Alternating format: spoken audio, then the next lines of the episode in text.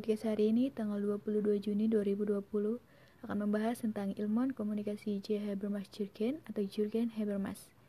Nama saya Revi, selamat datang di Sun Podcast.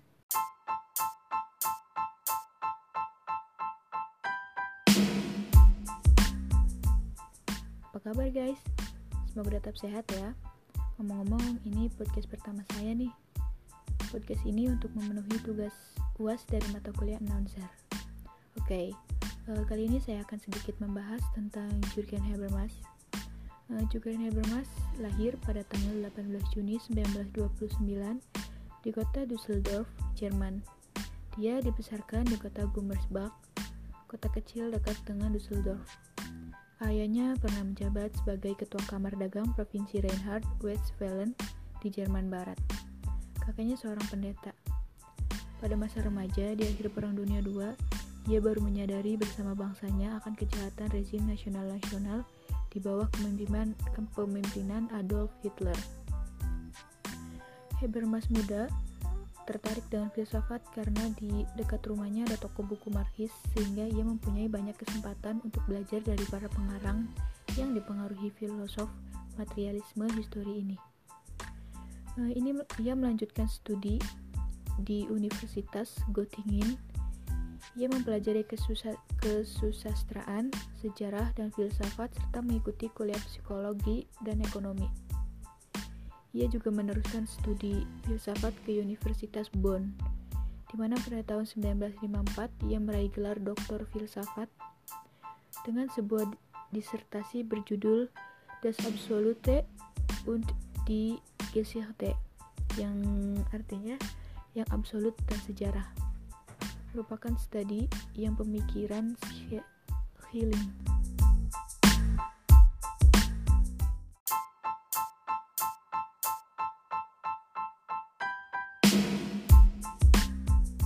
Pada tahun 1956, Jürgen Habermas berkenalan dengan Institut Penelitian Sosial di Frankfurt dan menjadi asisten dari Theodor Adorno. Habermas belajar tentang sosiologi dari Theodor Adorno. Kemudian, ia mengambil bagian dalam suatu proyek penelitian mengenai sikap politik mahasiswa di Universitas Frankfurt. Pada tahun 1964, hasil penelitian dipublikasikan dalam sebuah buku Student and Politics. Sekitar waktu yang sama, Habermas mempersiapkan habilitation skiffnya. Karangan ini berjudul Struktur Vendel de Offenslichkeit atau transformasi struktur dari lingkup umum. Fokus utama dalam tulisan ini adalah tentang berfungsi tidaknya pendapat umum dalam masyarakat modern. Pada kurun waktu yang sama, Habermas diundang menjadi profesor filsafat Universitas Heidelberg pada tahun 1961 sampai 1964. Pada tahun 1964, ia kembali ke Universitas Frankfurt karena diangkat menjadi profesor sosiologi dan filsafat menggantikan Horkheimer.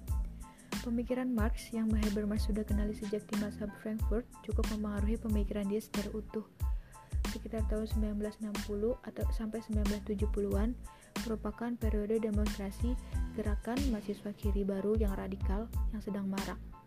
Sebagai seorang pemikir Marxis, ia cukup dikenal oleh gerakan mahasiswa tersebut, bahkan sempat menjadi ideolognya walaupun keterlibatannya hanya sejauh uh, sebagai pemikir Marxis. Namun, kedekatan Jurgen Habermas dengan kelompok mahasiswa yang beraliran kiri radikal tidak terlalu lama, karena aksi-aksi mahasiswa yang mulai melewati ambang batas, yaitu dengan menggunakan tindakan anarkis atau tindakan kekerasan. Akibatnya, Habermas mengkritik tindakan mahasiswa yang melampaui batas tersebut. Akibat dari kritikan tersebut, Jurgen Habermas harus bernasib sama dengan Max Horkheimer dan Theodor Adorno.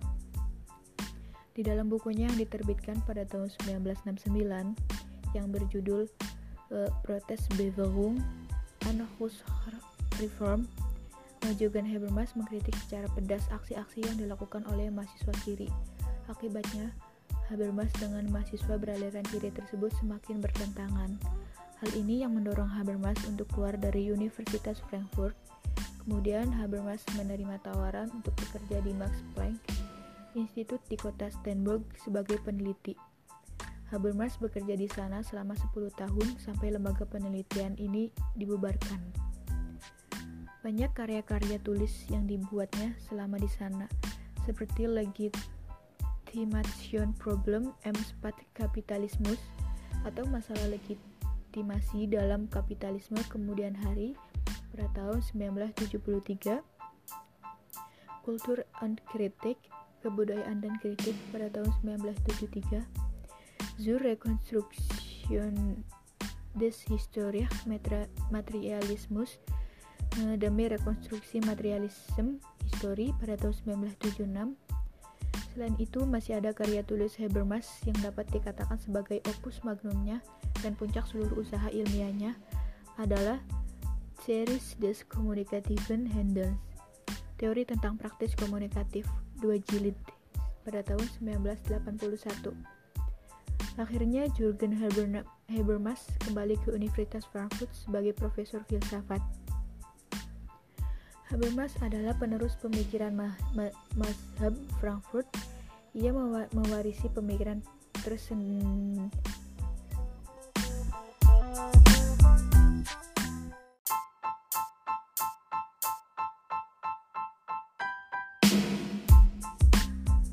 Habermas adalah penerus pemikiran mazhab Frankfurt. Ia mewarisi pemikiran tersendentakisme Kant, idealisme Fichte dan Hegel, materialisme Marx. Ia juga memasukkan psikoanalisis Freud ke dalam teori kritisnya. Dalam hal ini, Horkheimer dan Adorno sejajar dengan pemikiran Habermas dan sisi lain ia memiliki prinsip yang berbeda dengan dua tokoh generasi pertama teori kritis tersebut. Habermas dengan berani memasukkan analisis linguistik tradisi Anglo-Amerika dari Wittgenstein, Searle, dan Austin. Pada titik ini, ia melakukan usaha untuk memasukkan pemikiran analisis dalam metode dialektis teori kritis. Selain itu, Habermas juga mendapat pengaruh filsafat pragmatis Para filosof pragmatis dari Amerika seperti Charles Sanders Peirce, George Herbert, dan John Dewey memengaruhi pemikiran Habermas. Dia dari berbagai tradisi filsafat inilah Habermas melakukan usaha untuk menyusun suatu teori dari integral dan sistematis. Ciri sistematis ini yang membedakan pemikiran Habermas dengan para pendahulunya dalam tradisi teori kritis.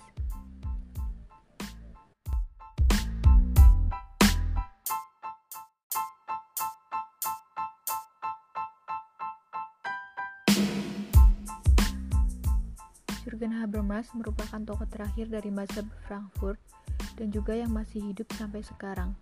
Ketika mazhab Frankfurt secara resmi sudah tidak ada lagi dan teori yang ditawarkan kepada masyarakat berakhir dengan sikap yang pesimis.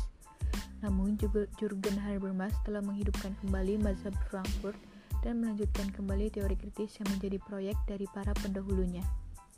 Bukan hanya teori kritis yang dilanjutkan oleh Jürgen Habermas, ada banyak hal yang diberikan oleh Jürgen Habermas dalam dunia filsafat dewasa ini. Menurut Jürgen Habermas, teori kritis bukanlah teori ilmiah yang biasa dikenal di kalangan publik akademis dalam masyarakat kita.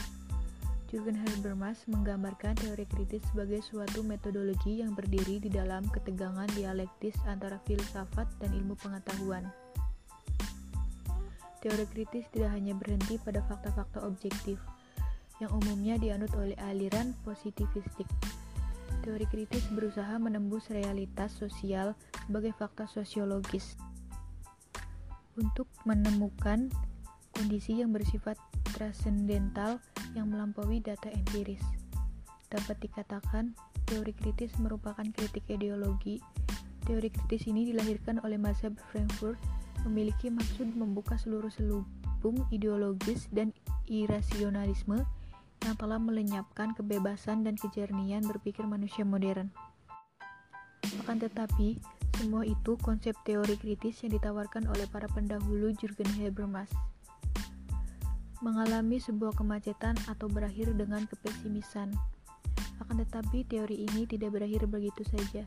Jürgen Habermas sebagai penerus mazhab Frankfurt akan membangkitkan kembali teori tersebut dengan sebuah paradigma baru. Jürgen Habermas menambahkan konsep komunikasi di dalam teori kritis tersebut. Menurut Jürgen Habermas, Komunikasi dapat menyelesaikan kemacetan teori kritis yang ditawarkan oleh pendahulunya.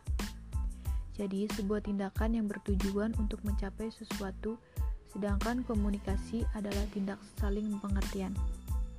Dalam tradisi mazhab Frankfurt, teori dan praktisi eh, dan praksis tidak dapat dipisahkan.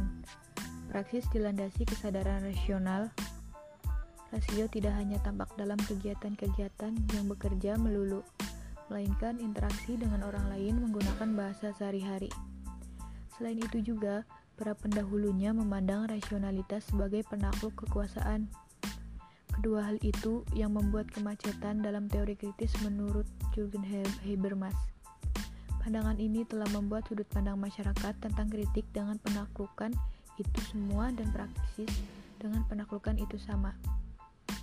Jürgen Habermas berpendiri berpendirian Kritik hanya dapat maju dengan rasio komunikatif dan dimengerti sebagai praksis komunikatif atau tindakan komunikatif. Masyarakat komunikatif bukanlah masyarakat yang melakukan kritik melalui revolusi atau kekerasan, tetapi melalui argumentasi. Kemudian, kemudian Habermas membedakan dua macam argumentasi, yaitu perbincangan atau diskursus dan kritik. Kata deliberasi berasal dari bahasa Latin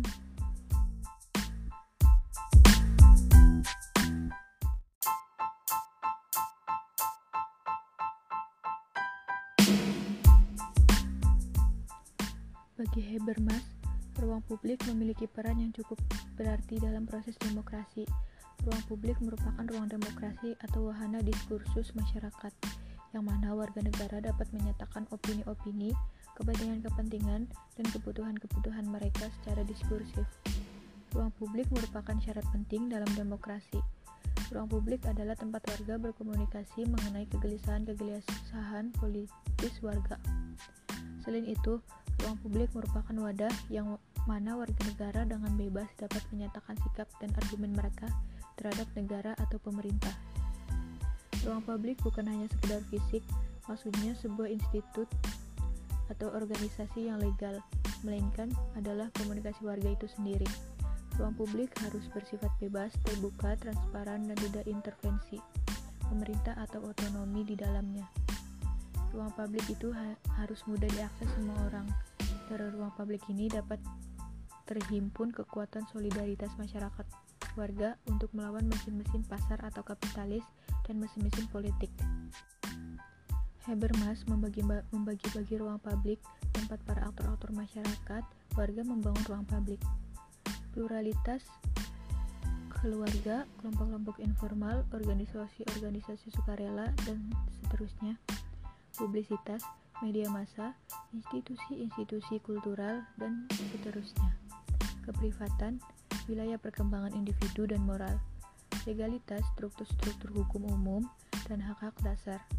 Jadi dapat kita tarik kesimpulan bahwa ruang publik bukan hanya ada satu, tetapi ada banyak ruang publik di tengah-tengah masyarakat warga.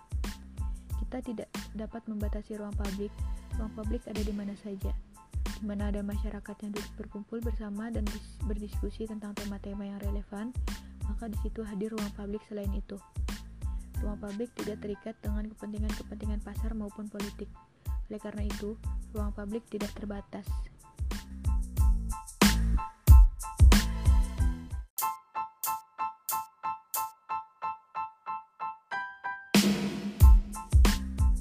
Sejak 1997, Jürgen Habermas mengurus jurnal bulanan Blätter für Deutsche and International Politik. Tahun 2007, dia membuka konferensi di Roma tentang agama dan masyarakat poskular.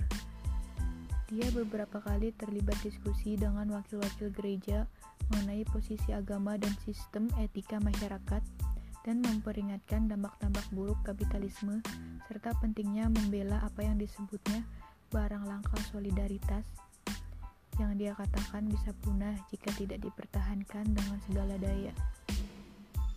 Karya terakhir Jurgen Habermas yang akan terbit akhir tahun ini, Agama dan Pengetahuan, tampaknya memang melanjutkan pemikiran-pemikiran dan cita-cita yang sudah diembannya sejak muda, yaitu bagaimana menghentikan konflik, kekerasan, dan perang, dan mengintegrasikan masyarakat yang makin heterogen dan kompleks dalam sebuah sistem nilai yang tetap menjamin tumbuhnya kebebasan, solidaritas, komunikasi, dan yang langgeng.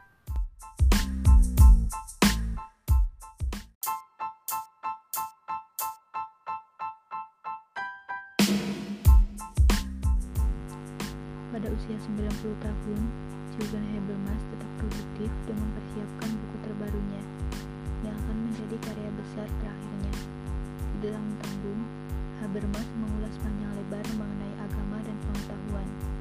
Buku setebal 1700 halaman itu rencananya akan dirilis menjelang akhir tahun ini. Sekarang, dia menghabiskan masa tuanya di kota kecil Stanberg di selatan Jerman.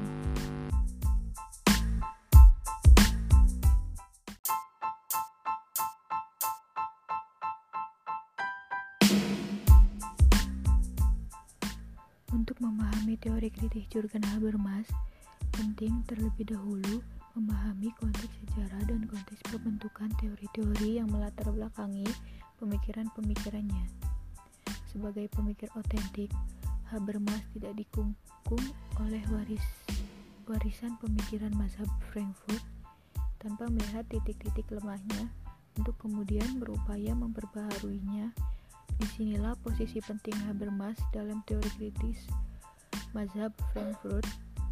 Pemikiran mazhab Frankfurt merupakan pemikiran yang sangat kritis terhadap pemikiran Karl Marx dan penerusnya. Namun, pemikiran mazhab Frankfurt tidak dapat dipisahkan dari sejarah pemikiran Marxis itu sendiri. Karena bagaimanapun, pemikiran teori kritis merupakan perkembangan lebih lanjut dari Marxisme di barat. Dalam Das Kapital, Karl Marx mengemukakan bahwa perkembangan masyarakat kapitalis akan berjalan sedemikian rupa sehingga sistem ini akan menuju penghancuran oleh dirinya sendiri. Friedrich Engels, sahabat dekat Marx, mempopulerkan teori Marx ini sampai dijadikan ideologi politik gerakan buruh di Jerman dengan Partai Sosial Demokrat Jerman. Di dalam kongresnya, tahun 1891 di Erfurt, gerakan buruh terbesar pada waktu itu dengan tegas menerima ajaran Marx sebagai dasar program partainya dan dalam Kongres Internasional II telah menyebabkan teori Marxis diterima oleh gerakan buruh di luar Jerman di mana Lenin menjadi wakilnya dengan demikian pandangan Marx tentang perkembangan kapitalisme menjadi pandangan resmi Gerakan Buruh Internasional. Kapitalisme sebagai suatu bentuk masyarakat akan terus menghisap kaum buruh dan konsentrasi modal ada di tangan kaum kapitalis yang secara kuantitas kelas proletar akan bertambah.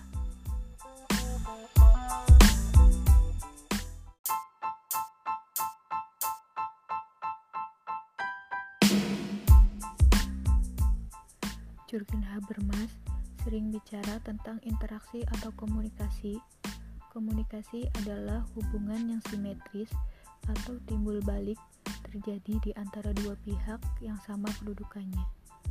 Komunikasi bukan hubungan kekuasaan, melainkan hanya dapat terjadi apabila kedua belah pihak saling mengakui kebebasannya dan saling percaya komunikasi juga merupakan interaksi dan yang diantarakan secara simbolis menurut bahasa dan mengikuti norma-norma bahasa harus dapat dimengerti benar, jujur, dan tepat.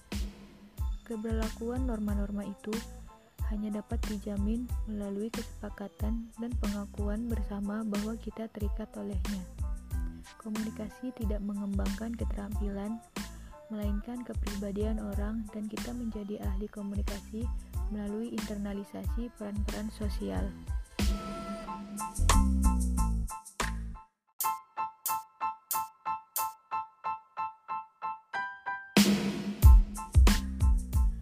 Maka, pada penelitian yang dilakukan Habermas pada tahun 1970-an, semakin diarahkan pada pengembangan sebuah teori perkembangan masyarakat. Bagi Habermas, perkembangan masyarakat adalah proses kompleks di mana sebuah masyarakat belajar bukan hanya dalam dimensi keterampilan-keterampilan teknis, melainkan juga dalam dimensi normatif, etis. Dan pada perkembangan selanjutnya, kajian Habermas semakin terarah pada logika perkembangan pandangan-pandangan dunia dan proses-proses masyarakat belajar dalam bidang moral dan komunikasi dan proses belajar dalam bidang kesadaran moral praktis mempunyai fungsi kritis.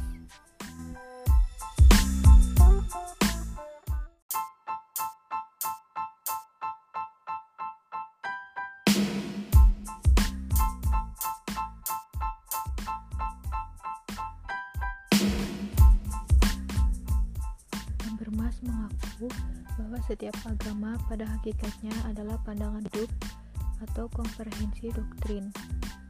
Dengan pendasaran-pendasaran mitis dan metafisik, agama juga memberikan elan vital kepada para penganutnya yang, yang hidup di tengah-tengah masyarakat modern.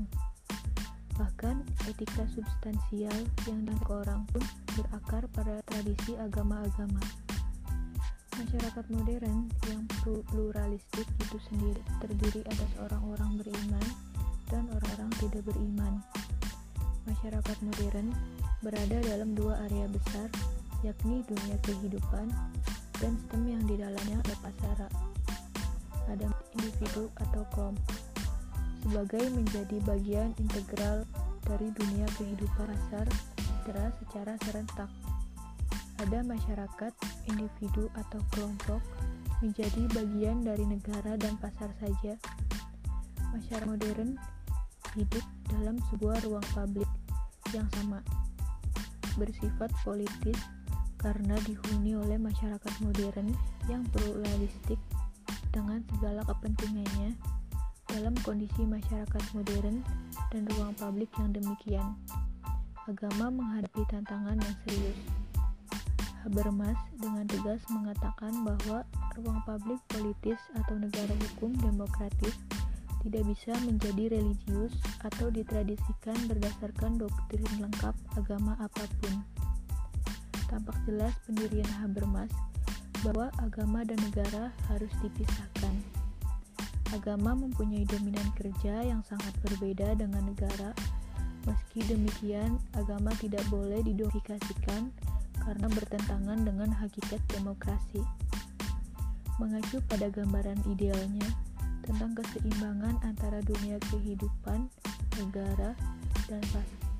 Habermas menentang agama yang olehnya dikategorikan sebagai dari dunia kehidupan untuk menunjukkan eksistensinya dalam ruang publik polis dan negara hukum demokratis. Hal ini serius bagi agama karena di suatu sisi ajaran-ajaran agama bersifat mitis dan metafisik di sisi lain, ruang publik bersifat rasional dan post-metafisik. Habermas secara tegas berargumen bahwa hanya sebuah forum sekurelah yang dapat secara memadai menjadi pemandu atau penata bagi perbedaan antara ruang metafisik dan ruang post-metafisik. Forum sekuler yang dimaksud adalah negara hukum demokratis atau ruang publik politis. Negara hukum demokratislah menjadi forum yang di dalamnya semua partisipan berdeliberasi dan berargumentasi sesuai dengan rasio prosedural untuk mencapai kesepakatan bersama yang merupakan tujuan tindakan komunikatif. Dalam proses deliberasi, pengandaian-pengandaian metafisik, agama diuji secara rasional atau dengan cara berpikir post-metafisik.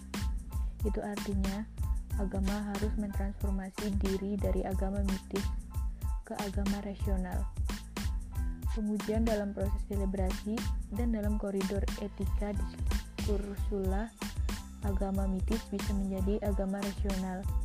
Jika menjadi agama rasional, maka etika substansial agama-agama bisa memberi warna dalam etika universal. Meski demikian, Habermas tetap tidak mengizinkan agama campur tangan secara langsung dalam negara. Agama bisa masuk ke dalam negara setelah melewati Institutional Translation Proviso. Lewat itu, pengandaian-pengandaian metafisik agama diuji oleh rasio post metafisik dan bahasa agama diterjemahkan ke dalam bahasa rasio sekuler. Dalam konteks ini, warga negara yang tidak beriman bisa membantu dalam proses translasi bahasa agama. Jika mekanisme tidak dicapai, maka agama bermanfaat bagi demokrasi, bermanfaat bagi negara hukum. Dengan demikian, antara warga beragama dan warga sekuler dengan dalam masyarakat postsekuler dapat saling belajar satu sama lain terlebih bagi warga negara beriman didorong untuk mengenakan cara berpikir ngospek metafisik di tengah pluralitas agama. Warga negara beriman juga mesti belajar dan dari sains dan teknologi yang memiliki klaim-klaim kesahihan ilmu pengetahuan. Warga negara beriman juga harus tunduk dan mengakui rasio sekuler yang menjadi basis legitimasi negara hukum demokratis.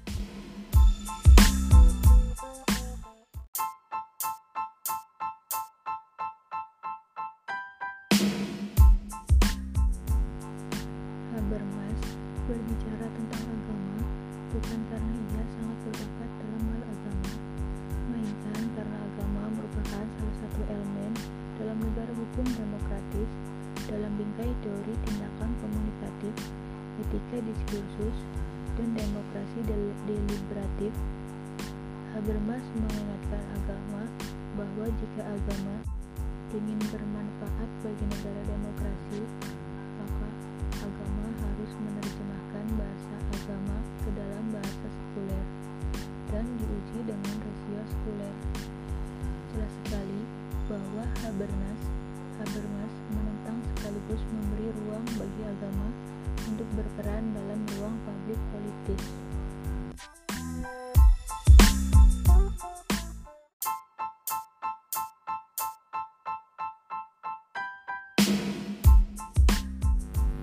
Masa mudanya, ketika masuk kuliah, Habermas sudah rajin menulis di berbagai media sebagai jurnalis dan sebagai penulis tahun 1955, dia menikah dengan Ute Wesselhoff. Mereka mempunyai tiga anak, satu laki-laki dan dua perempuan. Tilman Habermas, sejak 2002, profesor untuk psikoanalisis di Universitas Frankfurt. Rebecca Habermas, sejak tahun 2000, profesor untuk sejarah di Universitas Göttingen dan Judith Habermas yang bekerja di bidang penerbitan.